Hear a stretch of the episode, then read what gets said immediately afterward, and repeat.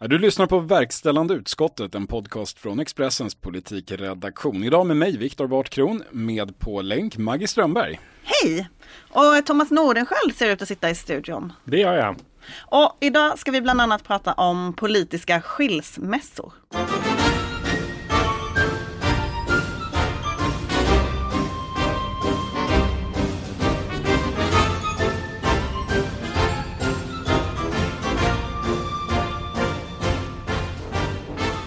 Det är onsdag morgon när vi spelar in den här podden och det är ett snabbt rörligt nyhetsflöde. Vi räknar med att eh, få ett krispaket, kanske redan idag, eller hur Maggie? Ja men eh, mycket här på morgonen tyder väl på att de kommer vara överens om de där, eh, den där extra ändringsbudgeten som de sitter och förhandlar nu, eh, regeringen och samarbetspartierna.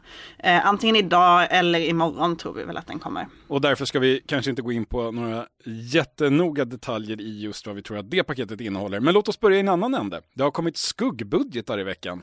Skuggbudgetar som kanske har varit mer i skugga än skuggbudgetar någonsin har varit. Vi pratar alltså om oppositionens alternativa förslag till vår eh, budgetar helt enkelt. Maggie, har det, är det någonting i den djupa skuggan som har stuckit ut för dig? Ja, men alla har ju kommit utom Vänsterpartiet eh, som kommer imorgon. Det har handlat väldigt mycket om det här med eh, omsättningsstöd till näringslivet som ju är den liksom, stora ekonomiska debatten just nu.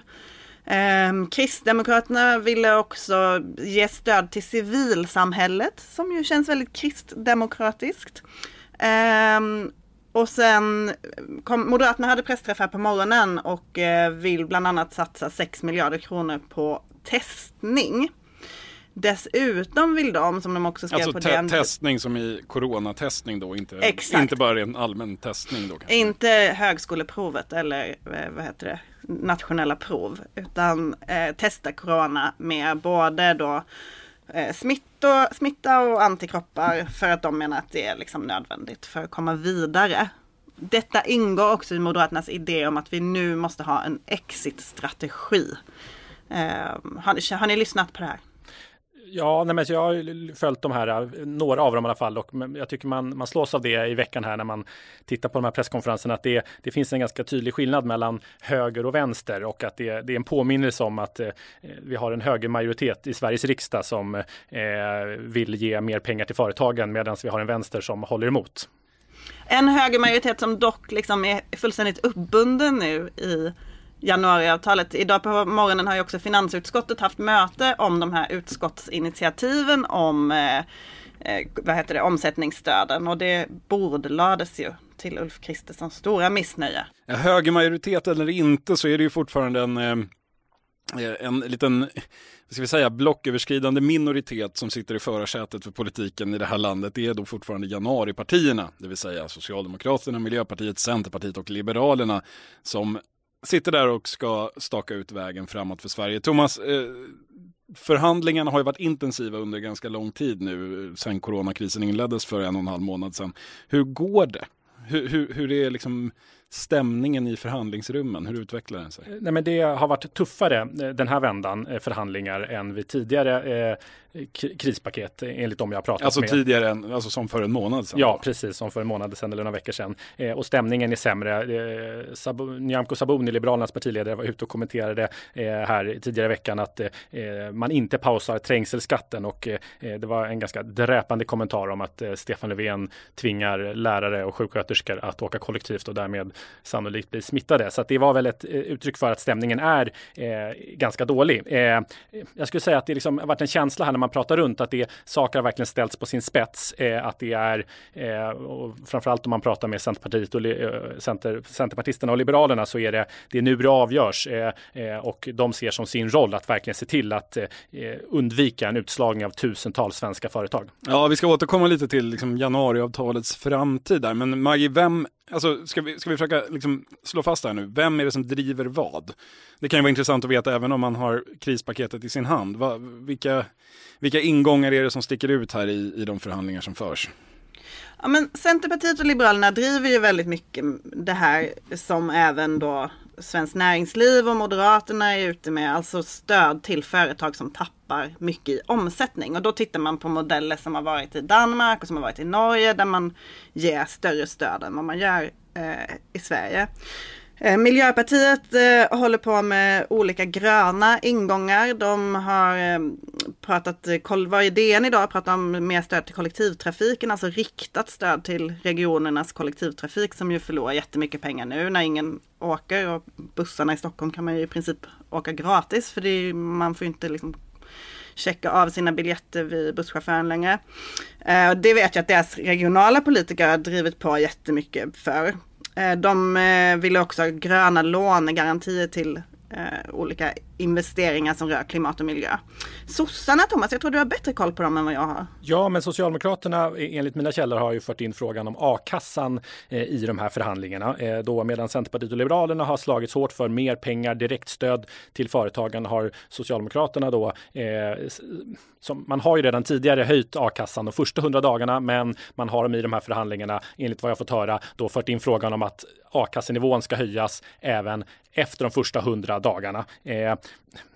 jag tänkte på det, alltså det, det är ju januaripartierna har ju å sin sida utsatts för ett hårt tryck av svenskt näringsliv som lite har gjort en comeback i de här, ja, men i den offentliga debatten här skulle man kunna säga. De har varit ganska osynliga eh, eh under tio år medan LO har å sin sida eh, tryckt på Socialdemokraterna och man skulle kunna, alltså värt att notera här tycker jag då är att mitt i allt detta så har Johan Jakobsson som har ett förflutet eh, i Liberalerna eh, som eh, partisekreterare under Lars Leijonborg och är nära Nyamko Sabuni och Mats Persson som ju är ekonomisk... Var väl inblandad i att få Sabuni vald till partiledare till och med. Ja, men precis. Eh, och är liksom, eh, ja, för de som inte känner till eh, Johan Jakobsson så är han en av, ja, men skulle jag säga, en av Sveriges skickligare eh, lobbyister. Eh, nu har han mitt i detta klivit in som ny kommunikationschef eh, i Svensk Näringsliv, vilket är en väldigt central och viktig post av tradition. så att han har, kan man ju säga då, genom sina, sin nära relation till Nyamko Sabuni och Mats Persson, en direkt, ja, han sitter inte med vid förhandlingsbordet, men han eh, har en direkt access till ett av januaripartierna eh, väldigt uppenbart. Så vi har någon form av, lite grann känslan att det är Svenskt Näringsliv och LO som sitter vid förhandlingsbordet genom ombud? Ja, men lite så. Det blir lite roligt nästan när LO går ut och säger att nu kräver vi att man höjer a-kassan efter de första hundra dagarna. Och sen så eh, eh, en kvart senare så sitter Magdalena Andersson vid förhandlingsbordet och säger nu höjer vi a-kassan efter de första hundra dagarna och man anar att de båda som sitter i samma verkställande utskott, för övrigt också ett verkställande utskott i Socialdemokraterna, kan ha pratat ihop sig. Så att eh, precis så. Det, men det är ju intressant också att LO Alltså som du säger, Svenskt Näringsliv har ju synts mer än vad de har gjort på oerhört länge trots att liksom det har varit debatt om vinst i välfärden och allt möjligt där de borde ha kunnat ta mycket mer position. Men LO ska ju byta ordförande nu mitt i allt det här. Det blir ju jätteintressant att se vad som händer med det och hur det påverkar debatten. Ja, men hur påverkar det krishanteringen tänker jag? Det här känns ändå lite ovanligt att vi har den här typen av regeringsförhandlingar i skarpt läge. Ska inte regeringen vara företräda någon form av allmänintresse mot särintressen eller var det bara någon, eh, någon fake news från Reinfeldt och Borg? Hur funkar det? Tar det sig framåt? Är det, är det produktivt? Vad är känslan Thomas? Ja, men det är väl kanske så ändå att eh, den här typen av stora krispaket, eh, när vi nu pratar om ett eh, nytt stort jätteräddningspaket, eh, där man dessutom då pratar om att staten eventuellt kan gå in och ta över, eh, ja, få ett ägande i krisande företag. Det är någonting som har drivits på från vänster och även från Socialdemokraterna. Den typen av åtgärder kräver nog ändå en for, någon form av handslag mellan arbetsmarknadens parter och involverar svenskt näringsliv. Så att, att de där sitter, om än via ombud vid förhandlingsbordet, eh, är kanske inte nödvändigtvis av ondo, tänker jag. Även Vänsterpartiet har ju gjort lite comeback, får man säga. De, det gick ju bra för dem redan innan, men jag tänker Jonas Sjöstedt har ju varit oerhört hård och tagit position som liksom eh, näringslivets, alltså den kritiska rösten mot näringslivet. Han sa ju i en intervju hos oss förra veckan att allt det här är en fräck kampanj från Svenskt Näringsliv och tycker att ägarna själva ska gå in och ta förluster. Eh, när Miljöpartiet liksom andades eh, att det vore bra om företag byggde upp egna buffertar så blev de ju liksom helt flängda på ledarsidorna. Och, ja, Vänsterpartiet är ju ganska ensamt eftersom sossarna faktiskt är ganska tysta nu. Ja, nej men precis eh, så är det. Själva hävdar de nog att eh, den liksom bilden man får om man pratar med ledande företrädare från Finansdepartementet eller regeringen är väl att de hela tiden har suttit och eh, förberett detta omsättningsstöd som Moderaterna sen kommer ta åt sig äran åt eller eventuellt Centerpartiet och Liberalerna. Men att det, det är väldigt komplicerat och så. Men, men jag tycker så här, det i alla fall om man ska tro Liberalerna och Centerpartisterna så säger de att det hade inte blivit eh, något stort eh, nytt räddningspaket till företagen om inte de hade suttit och budgetförhandlat. Eh, eh, och eh, ja, vad ska vi säga om det? det Nej, men det, det, på, på, vissa sätt, om vi bortser från det här med LO versus Svenskt Näringsliv, så påminner ju Socialdemokraternas in, inställning i det här ganska mycket om Socialdemokraternas inställning till väldigt mycket annat på senare år, nämligen att man vill helst stå mitt i rummet och eh, lyssna på allas förslag och sen utarbeta någon form av kompromiss i mitten som man sen tutar vidare med i regeringsställning. Det, det, lyssnar man på, på Stefan Löfven så är det ju hela tiden det han säger. Det, eh, vi, vi, vi avfärdar ingenting, vi, men alla kan inte få allt. Men vad vill du? Nej, då blir det mycket vagare. Så, så på så vis så står man väl precis där man vill stå och, och mm, ja, kryssar fram mellan åsikterna. Mm. Jag tycker ändå att det finns något mysigt nostalgiskt i läget nu när folk liksom pratar. jag tänkte på det förra veckan när eh, Jonas Sjöstedt var ute och sa att de här eh, eh, omsättningsstöden, det är liksom att ta sjuksköterskor och industriarbetares pengar och, och ge till de rika ägarna. Medan Ulf Kristersson var ute och sa att det här är ju företagens pengar. Det är ju företagen som har betalat in de här skatterna. Eh, skatt på vinst och skatt på lön som liksom egentligen tillhör företagen och nu bör staten ge tillbaka dem. Alltså den här liksom det är ju ändå det här som är grunden för, för politik, liksom synen på, på skatt och på kapital och på arbete. Och det var så länge sedan vi gjorde det. Ja, det där har vi ju sagt förr, men det är ju, det är ju roliga tider. Ja, men precis. Och det är också, när man pratar med, pratar med flera ledande företrädare i Liberalerna som, som menar att det här att det har blivit så otroligt tydligt, hävdar de, att det, det finns en i grunden ja, men, olika syn på företagande och på näringsliv och att det är det som har, eh, ja, men det är det som den här striden då, som då de beskriver det, en avgörande strid eh, för att rädda svenskt eh, näringsliv. Eh, men det är det vi har sett där. Sen tror jag också att de här förhandlingarna som nu har varit mer då intensivare och tuffare, att de kan också ha komplicerats av det faktum att Liberalerna eh, ja, eh, ligger på 2,7 procent i opinionen och är väldigt pressade. Ja, men precis. Alltså, man säger ju, det sägs ofta från ledarsidor, från oss, från partier, Eh, att januariavtalet är liksom lite överspelat i med det här. Att det, det kommer vara helt andra frågor som dominerar, som kräver mm, stora pengar, politisk energi. Men hur ser egentligen partierna själva på det där? Alltså, vad, vad, vad hör du Thomas när, när, när man pratar om vad händer i höst, vad händer nästa vår? Hur, hur påverkar det här förutsättningarna för det det projekt som pågick? Ja, nej men jag fick eh, lite aha-upplevelse här i veckan när jag pratade runt med företrädare i, eh, i eh, januaripartierna och eh, det är ganska tydligt tycker jag att man gör, en, man gör olika analys av eh, framtiden för januariavtalet och januarisamarbetet i, i de respektive partierna. Eh, inom Liberalerna, där det är en väldigt stor oro och frustration över läget för partiet, så är det en stark uppfattning att januariavtalet är överspelat och måste omförhandlas. Eh, antingen som en hög företrädare i partiet sa till mig, ja men antingen så eh, om, skapar vi ett nytt avtal, en, eh, en ny politik som vi hänger upp det samarbetet på, ja eller så har vi nog inget samarbete här om något halvår. Eh, så. Eh, och det där tycker jag att, nu ska man ha klart för sig att de ledande företrädarna i Liberalerna idag har ju aldrig egentligen varit för det här Nej, samarbetet. De har varit emot januariavtalet hela tiden. Men, men, det är ändå så att det är liksom, jag hoppade till lite för det är ändå, de har ju sagt att det här ska respekteras. Nu pratar man mycket mera direkt om att eh, det här samarbetet kan få ett ganska tvärt slut. Eh, men vad tänker de sig för alternativ då undrar man ju. vad, vad tänker de ska hända om avtalet inte håller? Ja, nej men alltså jag tror att det de tänker sig är väl att eh, eh då eh, kommer Ulf Kristersson eh, att eh, få ta över detta eh, och att man, ja, men det, det, då blir det väl det som den nuvarande partiledningen Liberalerna ville från början att Liberalerna ska, eller att Ulf Kristersson och Moderaterna ska styra. Men, men där är, då har vi då är vi tillbaka till den här grundläggande matematiken att det kan, så att det är inte, nej, jag tror inte att de, de, de vet nog inte det ärligt talat. Men, För man tänker ju mitt i en kris bara, nej men nu ja. ska vi byta statsminister. Ja. Det låter ju liksom men en annan sak man undrar är så här, är Liberalerna idag eniga?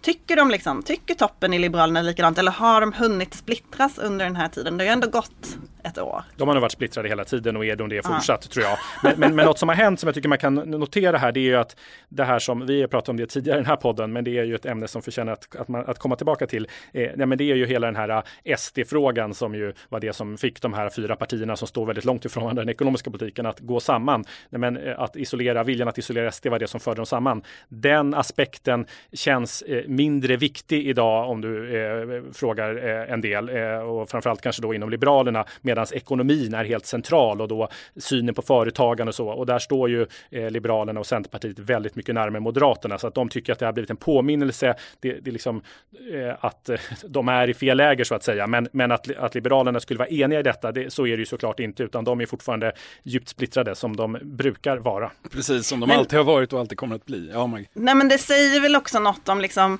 eh, hur konstruerat det här samarbetet är. Att man, liksom, man tänker sig så här, men vi sätter eh, de här punkterna i ett papper och sen så gör vi det här så tror man att världen ska se likadan ut efter fyra år. Men vilken mandatperiod var så lugn senast att man kunde göra en sån sak? Ja, man undrar ju om det här kommer liksom avskräcka liknande typer av samarbeten framöver. Ja, nej, ja. Nej, men, eh, och det, alltså jag tycker det är intressant också om man tittar då på vad de andra då, nu har vi pratat om Liberalerna, men eh, inom eh, även Socialdemokraterna, eh, när man pratar med ledande företrädare där, så, eh, så ja, men då beskriver de hur januariavtalet har blivit eh, ganska apart eh, och eh, de säger att vi inte är där ännu och det säger väl alla att nu ska vi hantera den akuta krisen, men ganska snart här, jag tror redan den kommande månaden kan, skulle januariavtalets öde kunna avgöras, för då efter det här krispaketet är klart, ja men då börjar ju här i maj, då ska man ju sätta stora delar av höstbudgeten. Och där måste man ju då någonstans ta ställning till ja, ska Socialdemokraterna kräva att man bockar av eh, sin punkt där i eh, januariavtalet eh, med en familjevecka till exempel? Nej, men sannolikt inte. Och där någonstans kommer man tvingas till en omförhandling av det här avtalet. Värt att notera dock är också att Centerpartiet här skiljer ut sig skulle jag säga och vill nog inte omförhandla januariavtalet. Jag har pratat med en del tunga företrädare i partiet. Även Centerpartiet är ju splittrade ska man säga, men de som är team Annie Lööf och stod på hennes sida när, det partiet skulle ta ställning i regeringsfrågan eh, så menar ju de att det är väldigt viktigt och kanske viktigare än någonsin att hålla fast vid de här liberala reformerna.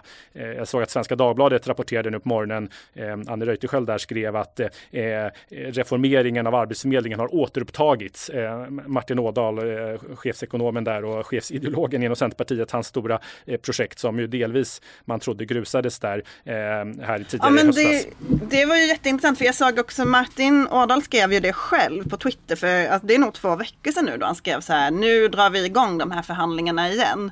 Eh, och vi skrev ju för lite, ja, jag kommer inte ihåg, vad är det, fem, sex veckor sedan att de var pausade och det bekräftade ju både eh, Eva Nordmark och Stefan Löfven för oss. Så det måste ju ha hänt något här. Centerpartiet måste ju ha ställt krav. Och sen så kommer ju också, kommer ju också direktiven till marknadshyresutredningen. Ja men det kan ju blivit en kabinettsfråga av detta helt enkelt. Det kanske är så det måste vara att Centerpartiet ställer stenhårda krav. Och det är precis som du sa innan Maggie, att det här är ju, visar ju hur svårt det kommer vara för de här januaripartierna att omförhandla detta. Även alliansregeringen då, eh, som ju inte hade den här typen av avtal, men de hade sina valmanifest med väldigt tydligt uppunktade Eh, reformer. De hade jättesvårt. Eh, nej, men de klarade inte det trots att verkligheten förändrades och väljarna ville ha annat än nya jobbskatteavdrag. Så nej, men de hade, hade man kommit överens om det, ja, men då var man tvungen att göra det. Och sen gjorde man inte så mycket mer. Så att de här partierna då, fyra partierna, Socialdemokraterna, Centern, Liberalerna och Miljöpartiet som har helt olika grundsyn, att de skulle lyckas omförhandla detta, ja, det återstår verkligen att se. Jag tror att det kommer vara jätteutmanande för dem. Men kan man inte tänka sig någon form av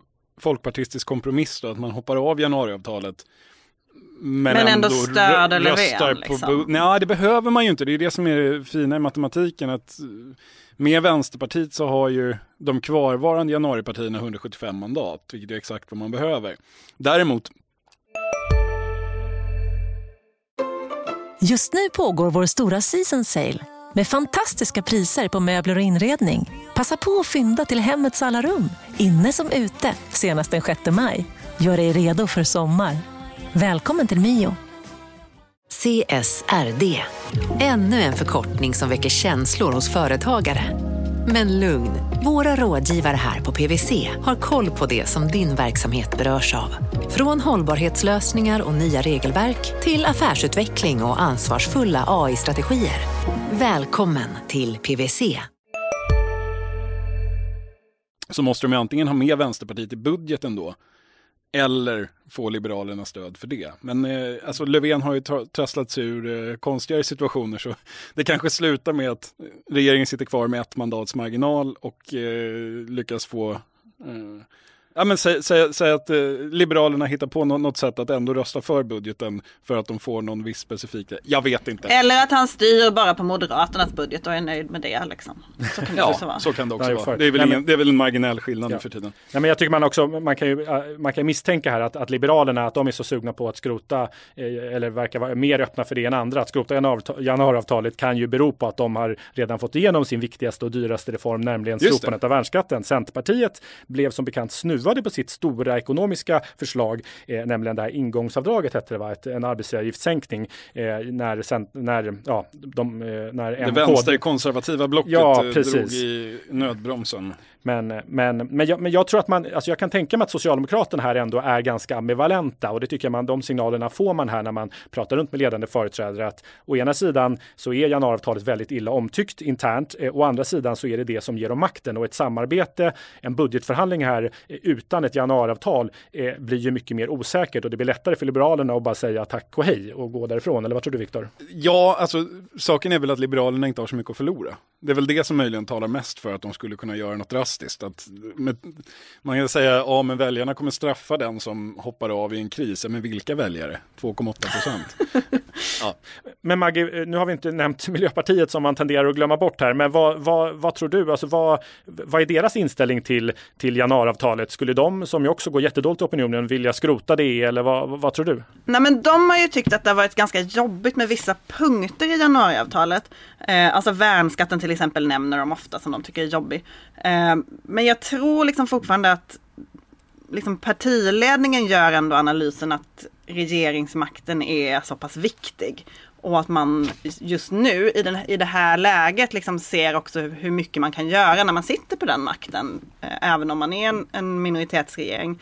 Eh, sen ser man ju i det här, liksom, Miljöpartiet har inte haft några stora segrar hittills i de här krispaketen som har kommit. Eh, det är väl höjningen av golvet i a-kassan som de har drivit liksom, eh, länge och som vissa sossar typ tycker är någon slags medborgarlön. Men de tänker ju sig att, att det ska komma. De ser ju det som en seger bara att Magdalena Andersson står och säger att eh, det ska komma gröna, in, alltså de här framtidsinvesteringarna som hon ska spara pengar till som hon pratar om hela tiden, de ska vara gröna. Det tycker liksom Miljöpartiet. De, de ser ju ändå en chans att liksom kanske driva igenom sina höghastighetståg nu. Och, Ja, när man ändå har släppt på budgetramverket. när pengarna liksom bara rinner ur händerna. Alltså. Exakt. Mm. Vi får se helt enkelt. Vi får anledning att återkomma till det här både en, två, kanske femton gånger redan innan hösten. Nästa punkt på dagordningen, Viktor, övriga frågor. Har du något där? Jo, men vi har en hel del där tycker jag. Allt är inte corona och det här är faktiskt inte alls corona. Så här, hur gör du om du verkligen inte vill ha uppmärksamhet för en fråga? Ja, du släpper den sent en fredag, mitt i coronakrisen. Så gjorde januaripartierna med sin utredning om marknadshyror som vi nämnde tidigare. Eh, marknadshyror i nyproduktion ska vi säga. Sådana blir det, det gjorde man klart helt enligt januariavtalet. Trots den här tidpunkten då att man försökte smyga ut, som man kan tolka det som, så var Vänsterpartiet standby. Går man fram med det här så väljer regeringen nyval, gormade Jonas Sjöstedt och Vänsterpartiet eh, redogjorde för sin kritik under hela helgen. Eh, och här hänvisar man ju då till, eh, om ni minns, misstroendelöftet som man kallade det. Man, man sa okej okay till att släppa fram regeringen Löfven, trots att man inte fick något inflytande, trots att man ogillade politiken. Eh, men man gjorde det med ett villkor eh, som var att går man fram, lägger man förslag om marknadshyror, lägger man förslag om försvagat anställningsskydd, då kommer man att rikta misstroende mot regeringen eller stödja ett misstroende mot regeringen. Ja, för man kan ju inte ens, typ, man är, de är för små för att ens ja, rikta precis. ett misstroende. Det här, det här löftet är ju helt beroende av att eh, de tre högeroppositionspartierna, M, KD, SD, skulle vara intresserade av det här och vara intresserade av att väcka det här misstroendet då. Och det där, alltså jag förstår ju om många vanliga läsare och lyssnare som inte är superinsatta här hajar till och tänker, men vadå, men då blir det ju nyval nu. För regeringen har ju faktiskt sagt i ett och ett halvt år att de struntar i vad Vänsterpartiet säger. De kommer att lägga det här förslaget, nu har de tillsatt en utredning med mycket tydligt direktiv. Detta kommer att ske, precis som andra saker har skett. Eh, då blir det nyval då? Nej, Förmodligen inte. Alltså grejen är ju att det här förslaget, det, det, Vänsterpartiets misstroendelöfte, det ska då aktiveras enligt vad man har sagt när förslaget läggs till riksdagen. Enligt, den här, eh, eh ja, enligt debattartikeln när man presenterar den här utredningen om marknadshyror ska förslaget läggas våren 2022. Mm, precis när vi har ett annat val. Ja, på, höst, exakt. på hösten. Så nyvalet, det var då i juni 2022? Ja, eller? i så fall så skulle då, för, för att Jonas Sjöstedt ska få rätt i att regeringen väljer nyval så ska alltså högeroppositionen uh, backa upp Vänsterpartiets krav på ett misstroende mot regeringen. Man ska rösta ner uh, regeringen. Uh, Alternativt då, det är ju bara statsministern som i normalfall kan utlysa ett extraval då. Men då ska det antingen bli en regeringsbildning som misslyckas. Hur som helst, det är helt osannolikt menar jag att det, det, blir ett nyval våren försommaren 2022. De kommer ju inte hinna klart med liksom regeringsförhandlingarna innan det är val igen. Nej, det kanske är lika så bra liksom, att man ja. drar igång dem innan. Nej, men då även, ska jag säga, även om det här misstroendet inte skulle leda till, till ett extraval utan till att det blir ett regeringsskifte för att man eh, av någon anledning inte får ihop det en gång till Eh, och det skulle bli en moderatledd regering så skulle den då hinna sitta i två månader, tre månader. Det är ju naturligtvis inte intressant för dem heller. Så varför skulle Moderaterna och Kristdemokraterna framförallt liksom fälla regeringen med några månader till valet för en fråga som de själva gillar, nämligen marknadshyror? De skulle absolut kunna tänka sig att göra det nu, men inte då. Så där tror jag Vänsterpartiet får tänka om lite. Men vill de verkligen tänka om i frågan då? Man ser ju här en, en, en, eh, en föreställning, en, en regi som, som kan gynna många. Eh, sossarna får regera vidare. Högern får sina marknadshyror och Vänsterpartiet slipper att faktiskt fälla S-regeringen ihop med högern. Men de kan säga att de ville göra det och att de försökte göra det men inte fick stöd för det. Du tycker att det finns något typiskt vänsterpartistiskt här, eller? Ja, men kanske.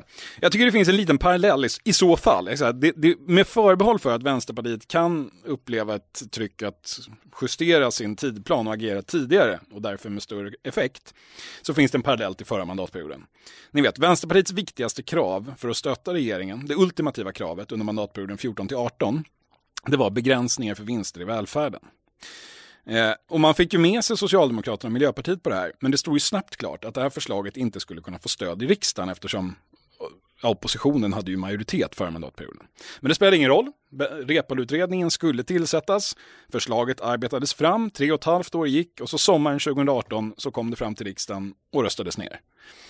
Och vad är kopplingen? Men nu har det, äh, förlåt, säg klart. Nej, nej. nej, men jag skulle bara säga, nu kom det ju en ny utredning i veckan om, om det här.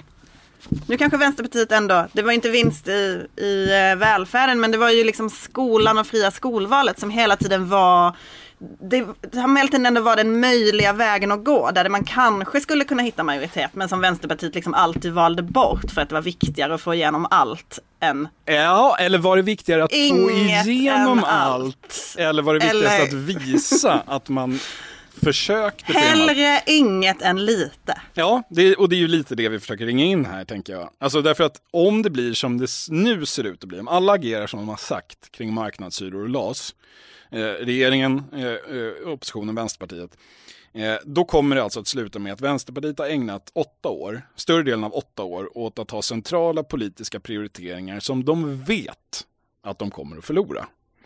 Eh, först alltså vinster i välfärden. Den här mandatperioden de högt deklamerade misstroendelöftena. Och de kommer att vara ganska nöjda med det. Och det gör Vänsterpartiet ganska unika i svensk politik, tänker jag.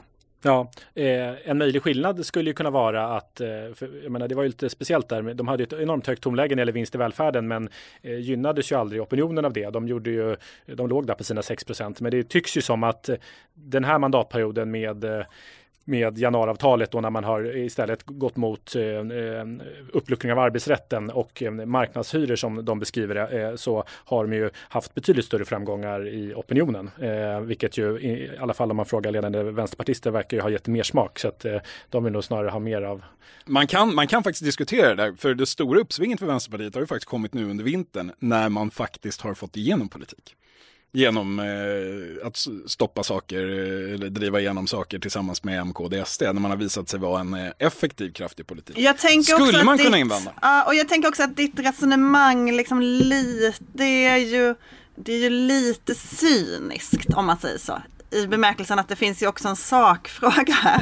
Som Ja, men frågan är vem det är som är cynisk. Och som tycker vikt, liksom, som Ja. ändå många vänsterpartister nog på riktigt brinner för. Jag vet, men det, är- men det, är där, men det är väl ändå, det, det är lite därför vill lyfta Jag tror inte Vem- de kommer vara nöjda liksom. Nej, är men vem är det som är cynisk då? Varför väljer man en modell som man, om, vi- om vi ska lägga ihop det här, så är alltså, man accepterar att man inte kommer få igenom, få något gehör sakpolitiskt, men man tänker sig en opinionsvinst. Ja, Jag vet inte, jag, jag, det är någonting som skaver i det tycker jag. Till exempel då med Reepaluutredningen. Man vet att det här inte kommer att leda till effekt på marken, men man tycker att det är värt det för att göra en grandstanding. Det, man kan tolka det så. Jag säger inte att det är rätt, men man kan tolka det så.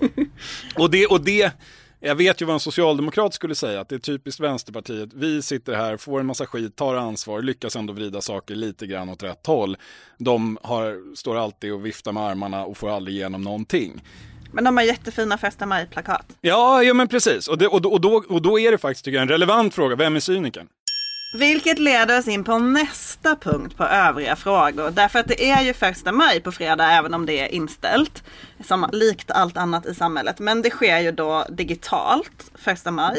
Både Vänsterpartiet och sossarna har det. Eh, och min fråga är till er, är detta liksom dödsstöten för första maj? För att man, jag försökte bara liksom man har ju hört en del att typ så här, i Göteborg är det så lite folk på första maj nu för tiden att det är pinsamt för sossarna att gå i det tåget. Så försökte jag kolla lite hur ser det ut egentligen. Så då googlade jag bara så här glest i leden på första maj och jävlar vad många träffar jag fick alltså. Men nu, jag, jag måste bara få sticka in här för, för att liksom make it up lite med Vänsterpartiet. Det här problemet gäller ju framförallt Socialdemokraterna. Vänsterpartiet brukar ha mycket folk på första maj. Vill jag bara ha sagt så att de känner en anledning att fortsätta lyssna på den här podden. Ja. Men, men, eh, men ja, Ja, förlåt. nej men, nej men alltså förmågan eh, att få enorma demonstrationståg och eh, protestera trots att man har styrt landet i 40 år. Det var ju, jag menar, det var ju Socialdemokraternas paradgren ganska länge.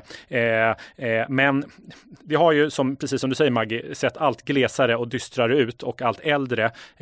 Delar av det socialdemokratiska tåget har ju gått i buss, så, alltså en, abonnerade bussar som har kört äldre personer som inte har orkat gå. Eh, men eh, eh, det är ju så, tror jag, att den här, alltså under Löfvens tid, utan att ha något belägg för, för jag vet inte hur, om den här utvecklingen accelererat, så tror jag att eh, Löfvens ganska eh, ja, lite kanske visionsfattiga skulle en del vänstersocialdemokrater beskriva det som eh, inriktning eh, på partiet där hans kanske stora bidrag, förutom att han skapade lite lugn och ro i partiet, eh, var någon form av eh, prat om eh, innovationer och eh, ja, samtal, samförstånd med näringslivet. Industrikansler. Industri, det var ju liksom det han, i alla fall de första åren, nu har vi glömt bort det för det blev, jag vet inte vad som hänt, hänt med det där riktigt, men, men, men det var väl inte någon jätteboost för kampanj eller för protestviljan inom, inom, inom partiet. Och nu då har vi fått januariavtalet eh, eh, som ju förra året skapade, eh, ja, ganska, det var ju rätt deppig stämning i leden skulle jag säga, eh, att gå ut på gator och torg och protestera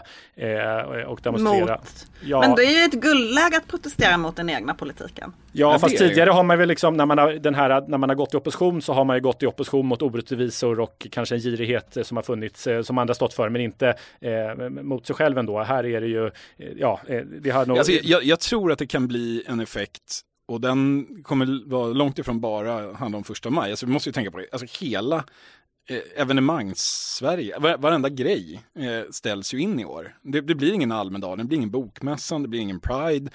Allting tar paus och det betyder ju att till nästa år så kommer det många att komma in i sina planeringar med lite mer öppna kort.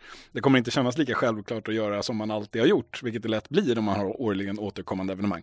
Så det är väl inte alls omöjligt att man kanske eh, tar ta, ta det som en anledning att, att, att uppdatera hur, man jobbar lite grann. Ja, men- Men det här med betyder. digitala första maj-tåg kan ju bli en, en succé, alltså i liksom slaktivismens tidevarv. Man kan bara klicka på något så har man gått. Det kanske blir liksom Tror du det? Att det bästa vara... någonsin. Jag tycker det Ja. låter så fruktansvärt deppigt. Alla som ska liksom, alltså midnattsloppet ska, ska vara digitalt. Spri, spring där du är, så skapar vi en digital gemenskap. Det låter ungefär som en löpare. Ingen kommer någonsin hålla på med internet igen efter detta. Nej, det, Vi det, det, väl, ska- det talar väl möjligen, då säger vi det, det talar för att, alltså den utbredda internettröttheten talar för att det blir rekord på nästa första maj.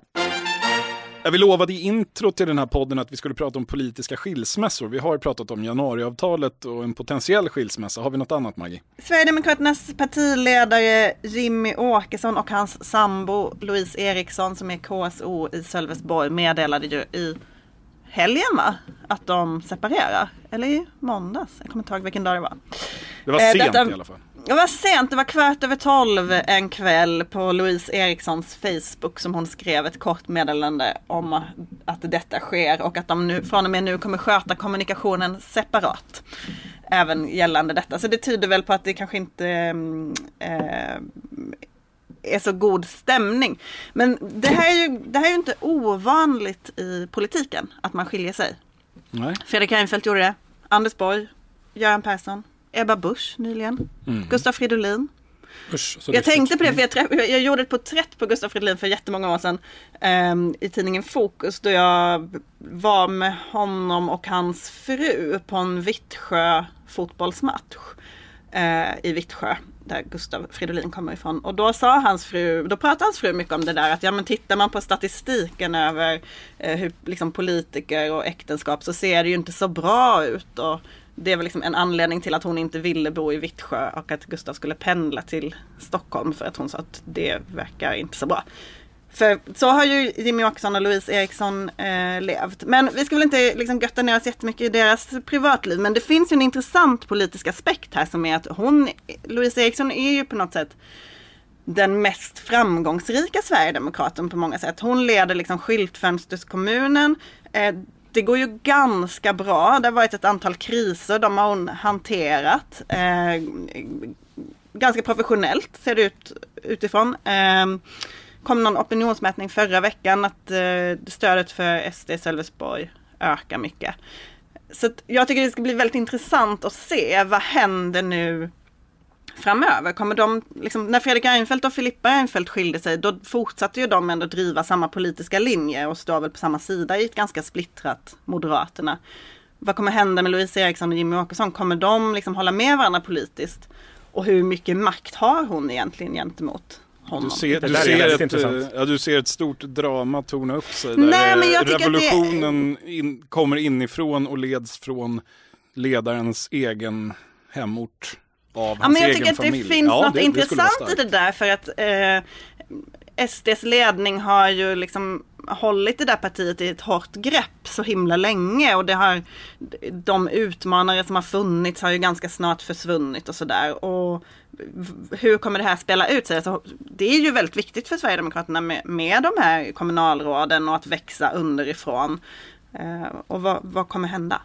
Vad tror ni? Vi vill inte gissa. Nej, alltså jag, jag väljer att, att, att, landa i att den där framtidsbilden av, eh, alltså därför att det vore en sån otroligt bra story om, om det kom en utmaning. Alltså att, att Louise Eriksson blev Jimmy Åkessons Jimmy Åkesson mot Mikael Jansson, eh, som var Mikael Jansson mot Anders Klarström och så vidare. Att det kommer en, en, en, en intern revolt från ledarens hemstad, från hans egen före detta familj. Det vore något, en dokumentär. Alltså helt opolitiskt bara, det vore en bra story. Eh, men hörni, tiden rinner ifrån oss. Den här podden ska inte skilja sig. Det blir ett politiskt äktenskap som hänger ihop. Eh, vi är tillbaka redan nästa vecka. Då är det onsdag igen. Eh, och när det är onsdag så är vi tillbaka. Tack för att ni har lyssnat den här veckan. Det här är Verkställande utskottet, Expressens politiska podcast.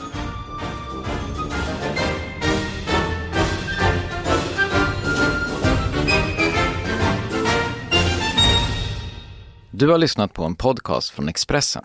Ansvarig utgivare är Klas Granström. Hej, Synoptik här. Visste du att solens UV-strålar kan vara skadliga och åldra dina ögon i förtid? Kom in till oss så hjälper vi dig att hitta rätt solglasögon som skyddar dina ögon. Välkommen till Synoptik.